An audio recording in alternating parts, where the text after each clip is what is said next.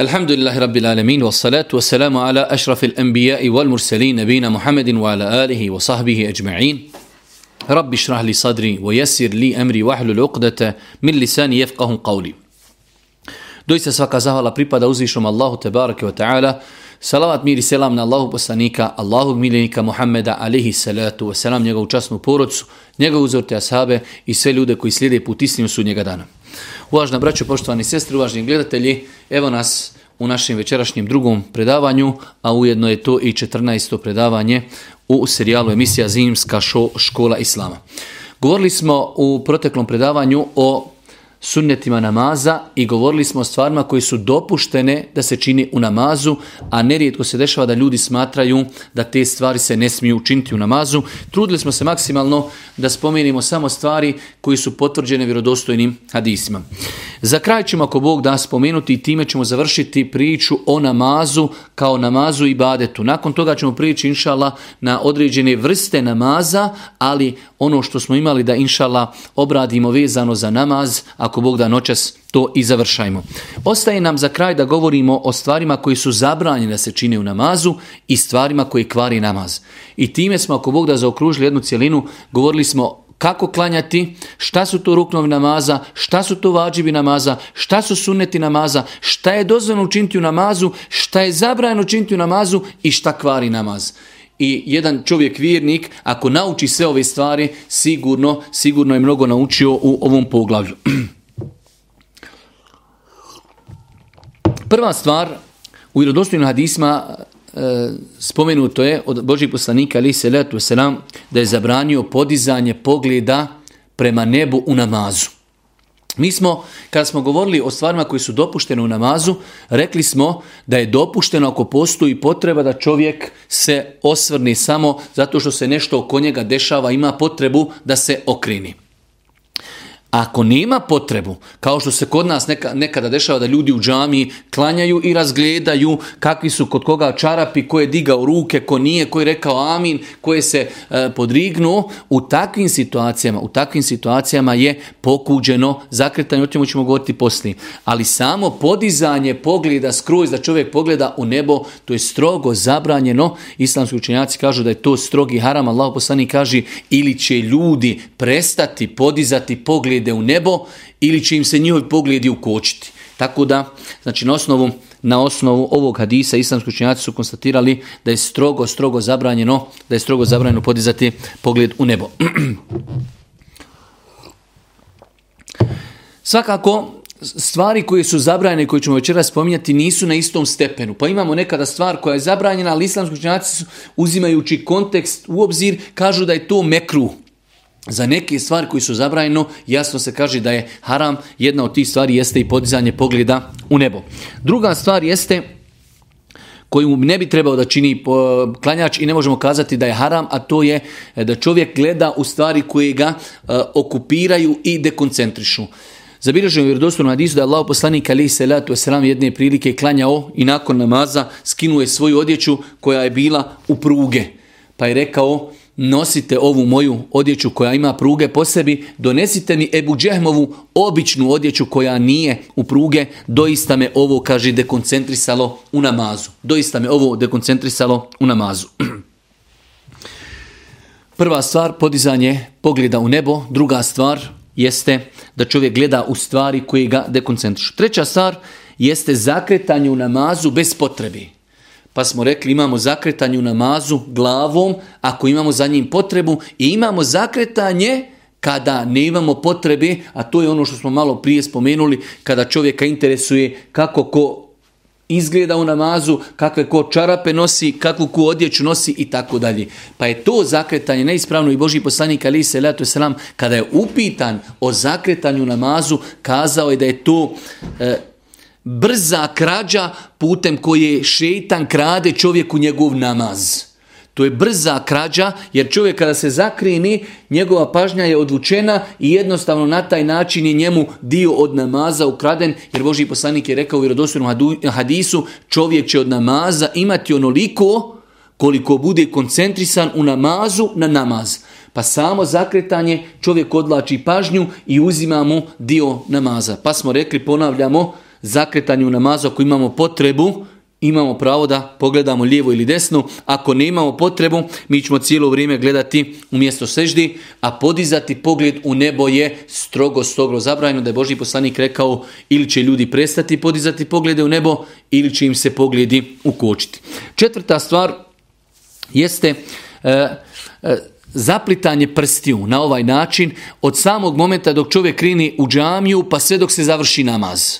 Ovo je veoma bitno, posto postoji hadisi u kojima stoji da je znao Boži poslanik nakon namaza ruke ovako držati. Nakon namaza. A imamo druge hadise da je Allah poslanik ali se letu sram kazao kada neko od vas uzme abdest na najljepši mogući način, zatim krene u džamiju, neka ne isprepliče prste svojih ruku.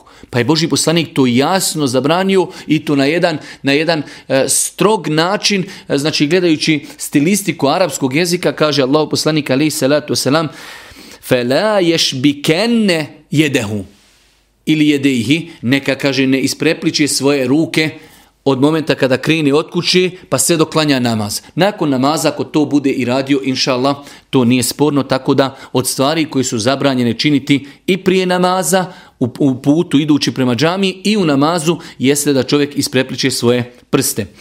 Isto tako od stvari koje su e, pokuđene u namazu, pokuđene, jeste pucketanje prstima. Oni ljudi koji su živjeli u arapskom svijetu znaju da je to kod njih postala u zadnjim godinama i možda i više jedna e, opće poznata stvar da ljudi u toku namaza stoje i jednostavno pucketaju sa prstima pa do te mjere ja sam lično gledao ljude u namazu kako nožne prste znači oni stoje i nožne prste pucketaju što nisam nikad znao da postoji ali eto to sam kod njih vidio i čuo a da ne govorim kako ljudi svaki prst na dva ili tri mjesta pucketaju dosadno im u namazu Abdullah ibn Abbas jedne prilike Klanjao je pored njega čovjek, kao što je zabilježeno u vjerodostojnim predaji, pa je čovjek u namazu pucketao i lomio prste, pa mu je nakon namaza rekao ne imala te majka, zar se igraš u namazu tako što pucketaš prste, zar nisi svjestan, zar nisi svjestan da stojiš pred uzvišenim Allahom subhanahu wa ta'ala. Od stvari koje su, koje su pokuđene i zabraju namazu jeste da čovjek zjeva u namazu. Allah poslanik alaih salatu wasalam kaže u vjerodostojnom hadisu zjevanje je od šetana.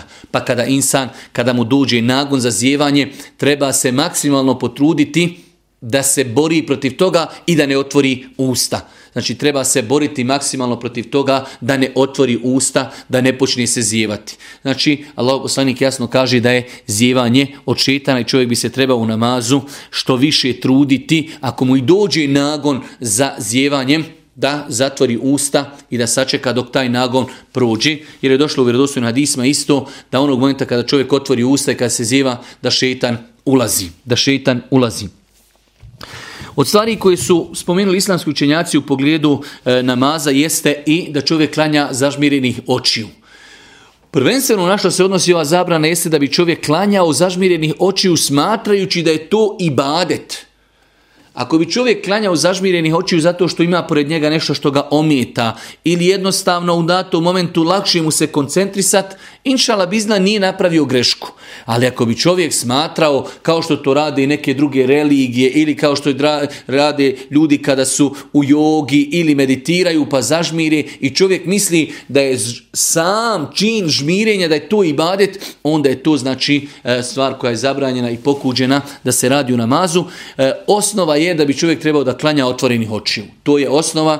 Iz više hadisa primijetimo, e, primjećujemo da je Boži poslanik u namazu gledao. To je bila praksa Božijeg poslanika. Ali kažu islamski učenjaci, ako bi čovjek nekada imao potrebu da u datom momentu zažmiri, zato što primjer radi pored njega neko nešto, hajde da kažemo, radi i dekoncentriše ga, u datom momentu ako bi čovjek zažmirio, kako bi povećao koncentraciju, inšala bi iznila e, da nije ništa loše uradio. Od stvari koji su jasno zabranjene jeste da je Allah poslanik zabranio da se uči Kur'an na ruku i na seđdi.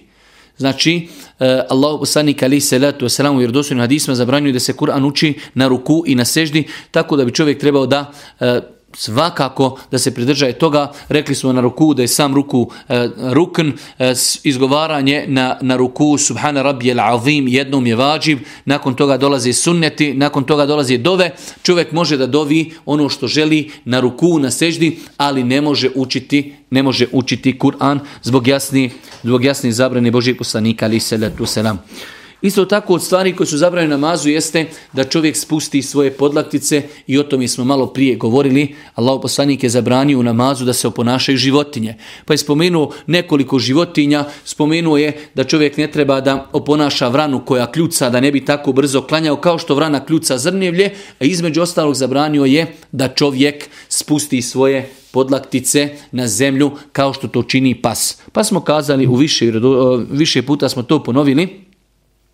E, hadisi koji govori o zabrani spuštanja podlaktica na zemlju bilježi imam Buharija i Muslim i ovi hadisi se odnose i na muškarce i na žene. E, u našem podneblju je poznato da žene kada klanjaju spuštaju podlaktice na zemlju jasno, znači da je to jasno u koliziji sa hadisima Božih poslanika ali se letu selam rekli smo generalno je pravilo da ne postoji razlika u namazu između muškarca i ženi ni u jednom, ni u jednom propisu. Uh, Isto od stvari koje su islamski učenjaci spomenuli jeste da čovjek ako klanja sjedeći, čovjek koji klanja sjedeći, on, znači kada dođe da, da čini ruku ili sečdu, on će se pogijeti koliko može da se pogni, ali neće mu se podići neki sto ili neka stolica pa da na njoj čini sečdu. Znači islamski učenjaci su i to smatrali zabranjenim. Od stvari koje su zabranjene e, u namazu jeste da čovjek prija su ljudi, a to se može danas desiti kada čovjek ode negdje na izlet, pa su prija ljudi klanjali su u džami koja nije bila zastata čilima, pa je bilo pjeska, bilo je zemlji, pa su ljudi sebi to ravnali da bi mogli lijepo seždu učiniti, pa ima Allah poslanik, pazite koliko su oni pazili na skrušenost, kaže Allah poslanik, nemojte to činiti, ali ako ćete činiti, onda to učinite samo jednim pokretom, kako vas to ne bi dekoncentrisalo. Pa znači, u osnovi, ravnanje nekog prostora prostora će čovjek činiti zemlju, može se samo činiti jednim pokritom.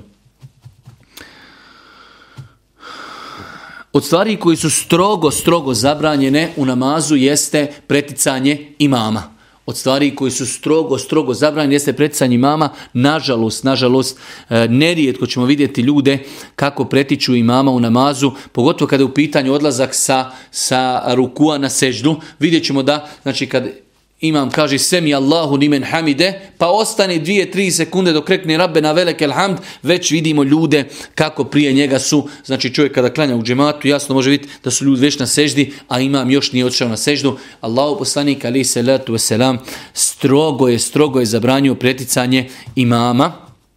Čak e, ja sam ja sam navodio jednu priču koju sam pročitao kao vjerodostojnu priču u jednoj od knjiga koji govori o namazu, da je Jedan od šehova imao svog jednog uče, uh, učenjaka i šeha od kojeg je učio hadise.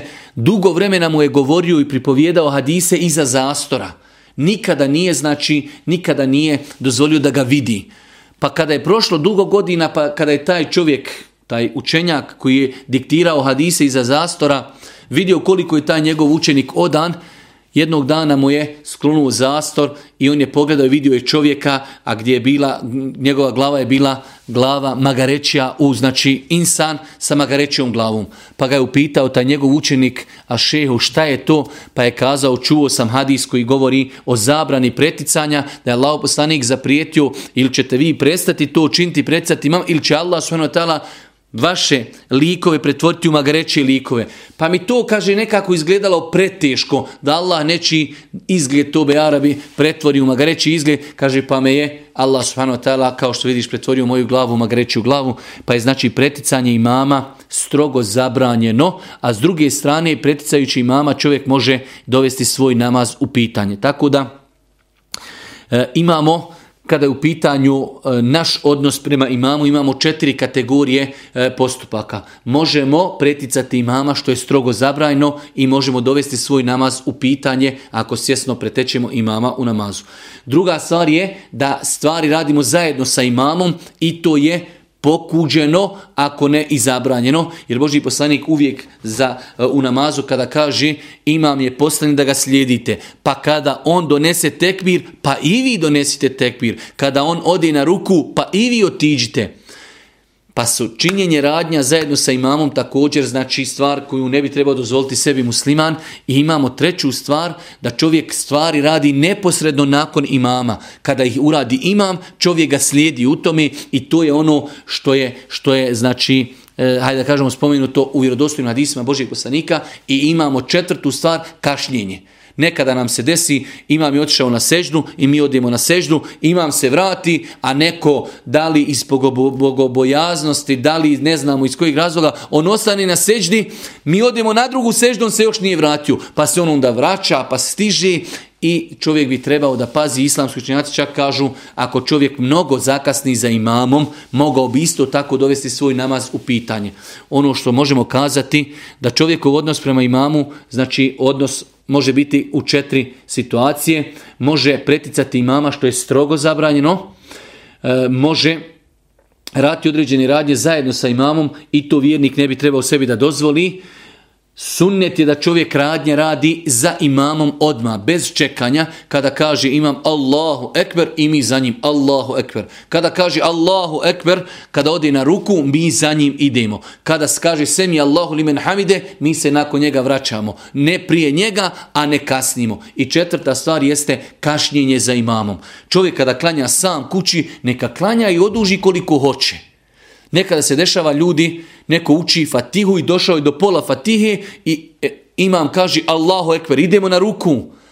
Čovjek treba prekinuti učenje fatihe i otići slijediti imama. Osim ako se radi da mu je ostao još jedan ajet, ali čovjek ostane uči fatihu kao do kraja, Efendija se vraća, on tek ode na ruku, to je neispravno. Innama ju'ila al-imamu li yu'tamma bihi fala tahtalifu alayhi. Imam je postavljen da ga slijedite i nemojte se razilaziti sa njim. Pa znači, čovjek neće preticati imama, neće zajedno sa njim raditi, već će ga slijediti i neće za njim kasniti. Ovo je znači e, stvar koju čovjek, svaki čovjek koji klanja u džematu treba da zna. Isto tako, e, od stvari koje su zabrajene, vezuju se damaz, jeste da čovjek klanja e, u prisustvu hrani. Čovjek klanja u prisustvu hrani za kojom on ima potrebu. Znači može se desiti da čovjek klanja pored hrani, a on nije gladan. Ili eventualno hrana se postavila, čovjek posti. Tako da njemu ta hrana ne znači ništa. Ali čovjek je gladan, postavljena hrana i čovjek kaže dobro, sad ako budem jeo, bit će im poslije tamo vamo, idem ja prvo klanjat i kad jedem da onda mogu leći da se odmorim. Neispravno zato što se čovjek psihički mislima vezuje za hranu. Pa kažu islamski učenjaci, ako je postavljena hrana, I čovjek hoće klanjati, da će prednost prvo hrani, prvo će jesti, nakon toga će klanjati. Pod uvjetima da on može konzumirati tu hranu, da nije postać. Znači, u tim uvjetima čovjek, ako je postavljena hrana, da će prednost konzumiranju hrani nad namazom. Zašto? Samo kako bi se mogao potpuno poslije toga koncentrisati, odnosno ako bude klanjao u periodu dok je pored njega hrana, osjeti njen miris, on je gladan, čovjek će, znači to će ga sigurno dekoncentrisati. Isti je propis i sa trpljenjem e, nagona za fiziološku potrebu. Allah poslanik je u više vjerovostljenja Hadisa kazao da čovjek ne treba klanjati, zabranio je klanjanje u periodu kada čovjek ima nagon za fiziološkom potrebom. Nekada čovjek ima abdest, i treba klanjati, ali osjeti velik nagon za toaletom. Ali onda konta dok odim u toalet pa moram ponovo abdestit, idem da klanjam pa ću poslije a, otići toalet i tako dalje.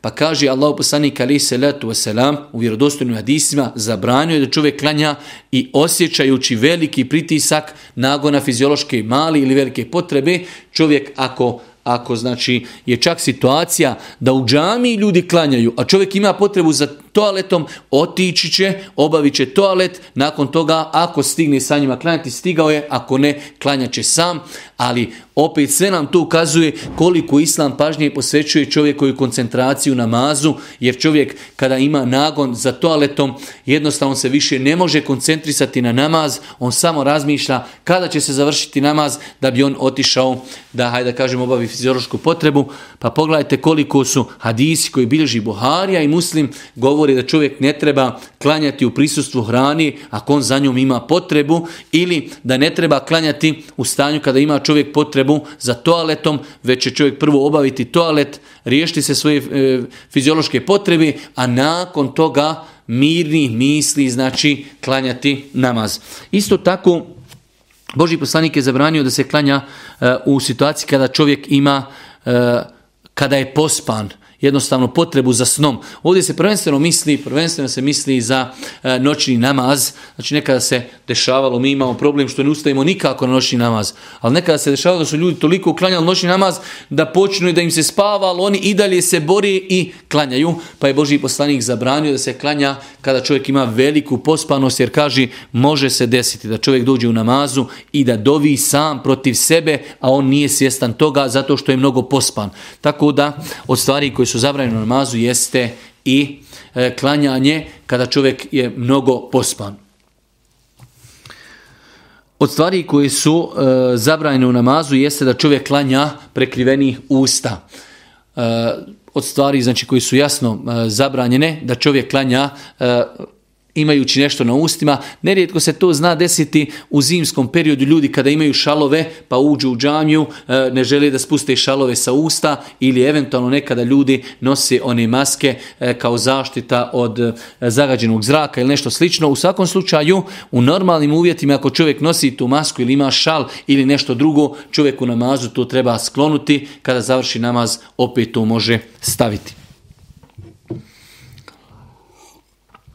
I posljednja stvar, Allah poslanika ili se letu selam ili dosu nad izabranio je da se klanja prema osobi koja spava ili prema osobi koja razgovara. I jednostavno je lako je dokučiti razlog zašto je zabrajeno, zato što to dekoncentriše čovjeka, pogotovo osobe koje pričaju, znači jednostavno skoro je pa nemoguće da čovjek klanja prema čovjeku koji razgovara, a da čovjek ne sluša ono što on razgovara i da ne razmišlja o tome i da to ruši njegovu koncentraciju. To su, braćo, moje drage cijene sestre, onoliko koliko ja bar imam po broju, 16 stvari, 16 stvari koje su... E, Islamski učenjaci pobrojali i spomenuli od stvari koji su zabrajeni u namazu, rekli smo, veoma je bitno da zapamte, nisu sve ove stvari na istom stepenu. Neke stvari su strogo zabranjene, za neke stvari je spomenuta kazna i one su odmah na većem stepenu, a neke stvari su na nekom nivou pokuđenosti, tako da generalno ove stvari treba izbjegavati, a one stvari gdje je došlo da za određenu postupak postoji posebna kazna, kao što je dizanje pogleda u nebo, kao što je preticanje imama i tako dalje, te neke stvari čovjek i treba maksimalno, maksimalno se truti da ih izbjegava. Na kraju, na kraju e, zadnja stvar vizana inšala za namaz jesu stvari koje kvari namaz. Nakon što smo inšala obradili i govorili o abdestu, govorili smo o tejemomu, govorili smo o guslu, govorili smo o uvjetima namaza koji se moraju ispuniti, Nakon toga smo govorili kako se konkretno klanja, pa smo govorili o ruknovima, govorili smo o vađibima, govorili smo o sunnetima, govorili smo o propisima ruknova, o propisima vađiba, o propisima e, sunneta. Govorili smo o stvarima koji su dopuštene se čine u namazu, dopust, govorili smo o stvarima koji su zabrajene u namazu, ostaje nam na kraju e, vjernik čovjek bi trebao da zna, da se poduči šta to kvari namaz kako bi se ne daj Bože sačuvao toga ili ako eventualno nekada uradi tu stvar da zna da takve stvari kvari namaz i time smo ako Bog da zaokružili jednu veliku cijelinu sa ovih 14 predavanja. Nadam se da oni koji to poslušaju prepišu i nauči da su naučili e, znači osnovne stvari vezane za poglavlje Tahareta i namaza, a mi ćemo ako Bog da i od sutra se nastaviti i dalje društi sa poglavljem namaza, ali kroz druge vrste namaza, ali ovo je općenit govor o namazu. Prva stvar e, koju spominju islamski učenjaci definitivno jeste da čovjek sigurno izgubi abdestu namazu. Znači ovo su dvije veoma bitne stvari u jednom pitanju. Da bude siguran i da je izgubio namaz. Kao da se desi čovjeku primjer radi da e, pusti vjetar, da izgubi abdest. Ali m, pošto ja, eto, Allah me time iskušao, imamo dosta kontakta sa ljudima, Ja uvijek pokušavam ljudima da maksimalno zatvorimo vrata šetanu i njegovim vesvesama i došaptavanjima, jer imao sam više puta slučajeve kada se sretnemo sa mladincima ili starim ljudima koji imaju mnogo problema sa vesvesama i došaptavanjima šetanskim u namazu, a i prije namaza kada uzimaju abdest. Zato eh, kroz naše ove komentare i druženja Ja se maksimalno trudim da ljudima ne otvaram vrata gdje će otići da im šetan može otvarati vrata vesvisa. Pa je ovdje veoma bitno spomenuti da čovjek ako je, ako je izgubio abdest u namazu mora biti siguran da je izgubio abdest. Ne, Pa možda jesam, možda nisam, nisam siguran. Sve dok čovjek ne bude 100% siguran, ne smije, namaz, ne smije napustiti namaz. Allahom poslaniku, ali i salatu wasalam, ljudi su se požalili, Allahom poslaniće, grče i nam crijeva u namazu. Kaže Allahom poslanik, la jen sarif, ne smije prekinuti namaz. Onog momenta kada uđemo u namaz, Osnova je mi smo u namazu i ne smijemo prekinuti namaz osim ako zatim postoji velika, velika potreba. Pa znači, kaže Allah poslanik, la jansarif, ne smije prekidati namaz. Osim, kaže, u dva uvjeta, hatta jeđi deriha, au jesme asauten ili kaže on zaista čuje svojim uhom kako je primjer radi pustio vjetar ili čuje jednostavno čuje loš neugodan miris od toga da je pustio vjetar. Boži poslanik je ovdje naveo primjer ali je postavio formulu ne smijemo se igrati. Jer nerijetko se desi čovjeku jesam li nisam li. Sve dok čovjek je na vagi jesam li nisam, osnova je nisam. Dok ne dođe i kaže jesam 100%, znam da jesam. Osjetio sam, čuo sam, tada onda kažemo čovjeku moraš prekinuti namaz i moraš otići ponoviti abdest. Ovdje se možemo dotakiti jednog pitanja koje nije bilo u planu, a to je da se nekada čovjeku desi klanja u prvom safu, velika je gužva, da li je džuma, da li je bajram ili neki drugi namaz i čovjek izgubi abdest. Izvinjavim se. Od stida prema ljudima, od stida prema ljudima ne prekini, ne prekini namaz. namaz ovo je jedno veoma opasno znači dijelo. Čak neki učenjaci su išli toliko daleko da su kazali da čovjek koji bi tako uradio klanjao bez abdesta svjesno da je počinio nevjerstvo. Pa je to znači sredina. Ne smijemo napustiti namaz dok ne budemo sigurni da smo e, izgubili abdest. Ali isto tako, ako izgubimo abdest, moramo napustiti namaz. Ako izgubimo abdest, moramo napustiti namaz, jer nam namaz nije ispravan bez abdesta i klanjanje bez abdesta bi se moglo smatrati i smijavanje sa Allahom vjerom. Tako da imamo dvije krajnosti. Ne smijemo napuštati namaz dok ne budemo sigurni. Ali ako budemo sigurni, onda namaz moramo napustiti, ne smijemo ostati i kao vanštinom se pretvarati da i mi klanjamo sa ljudima. Pa je prva stvar koja kvari namaz da izgubimo abdest u toku namaza, ali da budemo sigurni da smo ga izgubili. Ako ga izgubimo, moramo prekinuti namaz, bez obzira bili sami ili bili u džematu. Druga stvar jeste da izostavimo neki uvjet od uvjeta namaza ili da izostavimo rukn od ruknova namaza svjesno pa čak i da kažemo i da izostavimo vađib od vađiba namaza, sve ove tri stvari, ako ih svjesno izostavimo, naš namaz, znači generalno je pravilo da je neispravan. Generalno pravilo je neispravan, čovjek bi vjernik zato trebao da zna šta su uh, uvjeti namaza, šartovi, šta su ruknovi, temeljni dijelovi namaza i šta su vađibi, jer ove stvari se ne smiju izostaviti. Ako bi čovjek svjesno izostavio neko od ovih stvari, njegov namaz ne bi bio ispravan. Znate onaj hadis i toliko puta ga citiramo da je Boži poslanik u hadisku i bilježi Buhari i muslim jedne prilike sjedio u džami sa svojima sahabima pa je vidio čovjeka koji je došao u džamiju i koji je klanjao izrazito brzo, nije upotpunjavao rukn koji smirenosti. Nije upotpunjavao rukun smirenosti, pa kada je došao Božji poslanik, poslanik nazvao je poslaniku selam, Božji poslanik mu odgovorio i kazao, vrati se, klanjaj, nisi klanju, ne broji se, neispravno. ispravno pa je otišao, klanjao, pa opet došao, isto uklanjao, pa kaže poslanik, opet se vrati, klanjao, nisi klanjao, pa ga je poslanik tri puta vraćao da klanja, nakon toga je došao i kazao, Allahu poslaniće, ja ne znam drugačije, ja ovako klanjam, brzo. Pa je mu onda poslanik dao onaj veliki historijski savjet kada mu je kazao kada želiš klanjati uzmi abdest, okreni se prema kibli, donesi početni tekbir, prouči nešto od Kur'ana, otiđi na ruku, pa se, kaže, potpuno smiri. Pa se vrati sa rukua, pa se potpuno smiri. Pa otiđi na seždu, pa se potpuno smiri. Pa se vrati sa seždi, pa se potpuno smiri. Pa opet učini seždu, pa se potpuno smiri. Pa vidimo da Allah poslanik u svim tim, znači ruklovima govorio, pa se potpuno smiri. Pa insan, kada preskoči jedan rukn, Allahov poslanik je taj koji njegov namaz proglasio neispravim. Pa se čovjek treba truditi da ispo, ispoštuje uvjete za namaz, ruknove namaza i vađibe namaza. Od stvari koje kvari namaz jeste i namjerno jedenje i pijenje u namazu. Baš evo, kao što ja kaže, evo ovako da čovjek u namazu svjesno uzme i nešto popije. Kada u pitanju zaborav, u pogledu toga islamski učenjaci imaju e, različiti dosta stavova, ali kada u pitanju svjesno jedenje i pijenje, da čovjek u namazu je i izvadi košpicu iz, us, e, iz džepa i počne grickati e, košpicu ili uzme čašu vode i tako dalje, svi ti postupci, ako i čovjek uradi svjesno, svi oni kvari namaz i to po konsenzusu islamskih učenjaka. Po konsenzusu islamskih učenjaka e, poznati jedan učenjak koji je sakuplio e, mnogo pitanja u kojima učenjaci imaju konsenzuse Ibnu el-Munzir, spomenuo je da islamski učenjaci imaju jednoglasan stav u pogledu toga ako neko jede ili pije svjesno u namazu, njegov namaz je neispravan.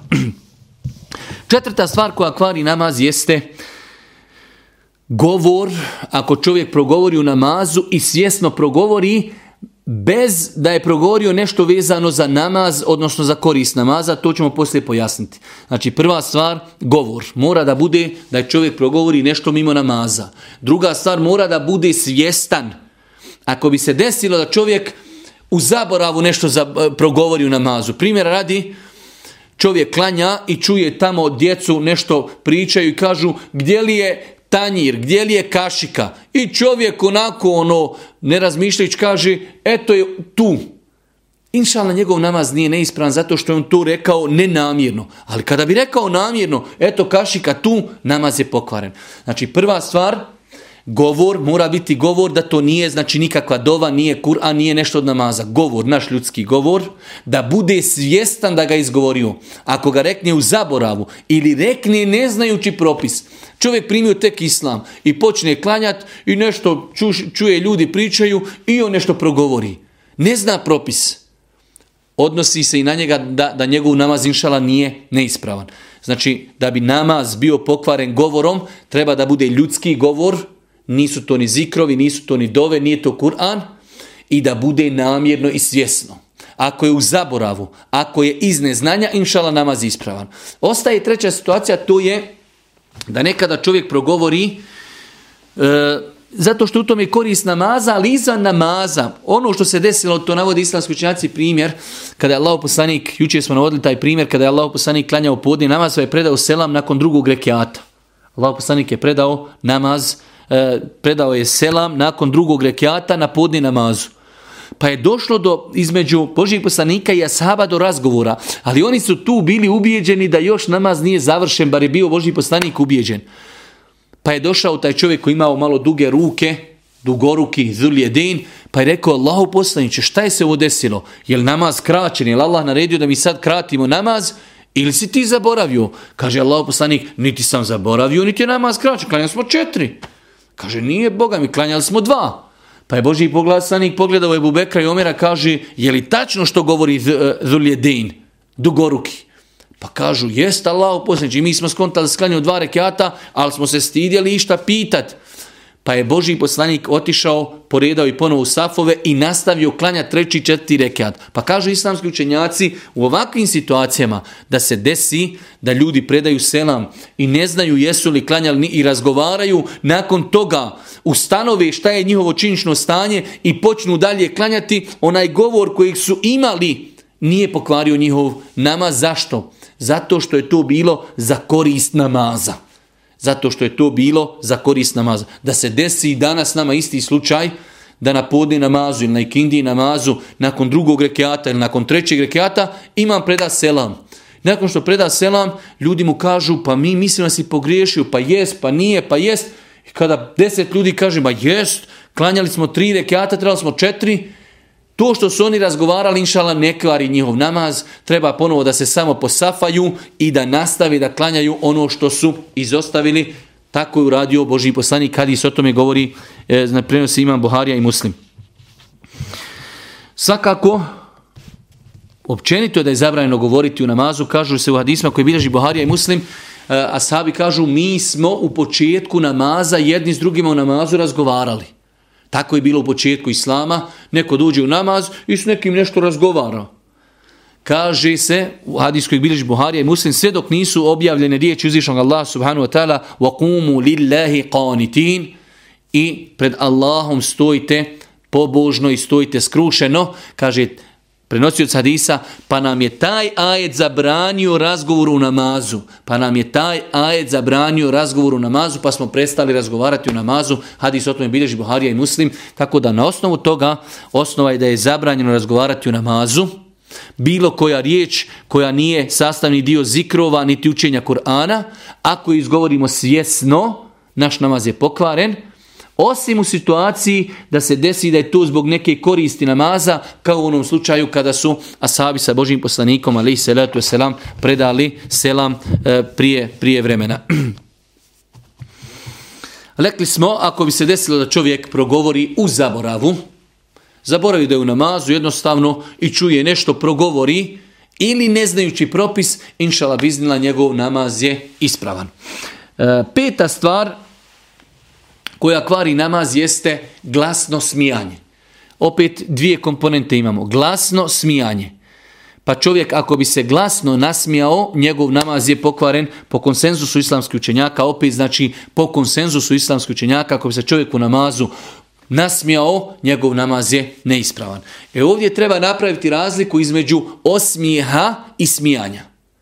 Smijeh je nešto kada čujemo glas. Ha, ha, ha, ha, čovjek se nasmije, A osmijeh je samo nešto što se vidi na ustima bez ikakvih bez ikakvi znači drugi popratni zvukova čovjek nešto u namazu se sjeti i znači samo se samo se vidi osmije ili nešto se dešava pored njega čuje djecu ili vidi ili čuje nešto na televiziji nešto je palo i on samo znači se nasmije njegov namaz je ispravan njegov namaz ispravan, nekada je to stvar koju on ne može kontrolisati, ali smijanje ako se desi, toliko se nešto oko njega desilo da je se počeo smijati, njegov namaz je po konsenzusu islamskog učenjaka pokvaren. Pa znači pravimo razliku između smijanja i osmijeha. Osmijeh ne kvari namaz, smijanje kvari namaz po konsenzusu islamskih učenjaka. Šista stvar, E, šesta stvar, u pogledu ovih stvari postoji jako razilaženje kod islamskog učenjaka, to je ako bi se desilo da punoljetna žena, punoljetna žena pređe ispred klanjača, bio taj klanjač muškarac ili žena, pa može se desiti da žena klanja kod stuba i između nje i stuba prođe druga punoljetna žena, Allah najbolje zna, zbog irodostojne hadisa, nje namaz je pokvaren. Trebala da je spreči da ne prođe ispred njih. Allah poslanik u vjerodostavnom hadisu je spomenuo da prolazak ženi ispred klanjača kvari namaz. Prolazak ženi ispred klanjača. Ali pod uvjetom da je to punoletna žena. Tako ako bi se desilo da čovjek ima malehno dijete e, godinu, dvije, tri, četiri ili pet djevojčicu i ona prođe ispred klanjača, inšala biznila njegov namaz ili njej namaz osobe ženske ako bi klanjala je ispravan. Ali ako bi se desilo da punoljetna žena prijeđe ispred klanjača, vjerodostojnim hadisima stoji da je takav namaz e, neispravan s tim što e, moramo znati da postoji jako razilaženje i velika većina učenjaka smatra da čak i prolazak ženi ispred klanjača ne kvari, ne kvari namaz. E, oni imaju svoj neki pogled na te hadise u kojima Boži poslanik, jasno Boži poslanik kaže namaz će biti prekinut ako ispred čovjeka prođe punoljetna žena. Pa su određen dio učenjaka smatrali da se to misli kao bit će mu umanjena nagrada i tako dalje. Ali vanština hadisa ukazuje da ako žena prođe ispred klanjača, da mu je namaz neispravan. Definitivno i prolazak muškarca i, pre, i žene ispred klanjača je grije. Ali je došlo u posebnom hadisu da Allah poslanik Ali se letu je sram spomenuo da prolaže žene kvari namaz. I zadnja stvar, u nama, stvar koje kvari namaz i time ako Bog da evo i završamo večerašnje druženje jeste mnoštvo pokrita u namazu. Mnoštvo pokrita u namazu. Ako bi vidjeli čovjeka koji se mnogo vrti u namazu, e, mobitel, češi se, zakopčaj, otkopčaje, mnoštvo pokrita. Kaže islamski učenjak Ennevi Rahmetullahi Alehi, islamski učenjaci u pogledu ovog definisanja mnoštva pokrita imaju različite stavove, ali je tačno da e, mnoštvo pokrita se vraća na običaju. Znači nije nigdje poslanik rekao koliko pokrita čovjek treba da uradi da mu je namaz neispravan, ali jednostavno nešto što se vraća običaju ljudi. Pa znači vidjet ćemo, evo, vidjeli smo poslanik je klanjao držeći svoju svoju unuku u naruču. Vidjeli smo da je znao napraviti korak ili dva u namazu i ne bi mu to pokvarilo namaz. I tako dalje. Znači neki e, pokriti koje mi učinimo, ne izbacuju nas istoga. Kada bi nas neko sa strane gledao, rekao bi ovaj čovjek i dalje klanja. Ali imate neki ljudi koji kada klanjaju, pogotovo da Allah oprosti, to se sada mnogo više vezuje za Arape nego za nas. Mi smo stranci, mi ne znamo šta učimo i mi, mi smo koncentrisani. Dok oni kod Arapa, znači nažalost živimo u vremenu, pogotovo ljudi koji nose mahrame, oni se igraju sa mahramama, pucketaju sa prstima, mobitele, vrte i tako dalje. Pa kažu islamski učenjaci, kada bi čovjek gledao čovjeka sa strani i on se toliko vrti da je nemoguće pomisliti da je on u namazu, namaz takvog insana je pokvaren. Znači čovjek može u namazu napraviti jedan pokrit, kratko rekli smo, nešto staviti, nešto dodati, neko miša, ali se i dalje vidi na njegovom halu da on klanja. Ali ako bi se to vijek, čovjek toliko vrtio, da čovjek koji ga gleda sa strane kao ovaj ne klanja, ovo nešto stvarno nešto drugo radi, njegov namaz bi bio pokvaren. U svakom slučaju, braću moje dragi cijene sestre, e, u ovom predavanju smo obradili doista nekoliko bitnih stvari koje kvari namaz i stvari koje su generalno zabranjene u namazu. Mi ćemo se ovdje, ako Bog da, i zavr, zaustaviti. Sutra, ako Bog da, nastavljamo o nekim stvarima koje nisu konkretno vezane za namaz, govorit ćemo najvjerojatnije o nekim vrstama namaza. Subhaneke Allahumma bihamdike, šedu in la ilaha ilan stakviruke, vo etubu ilik.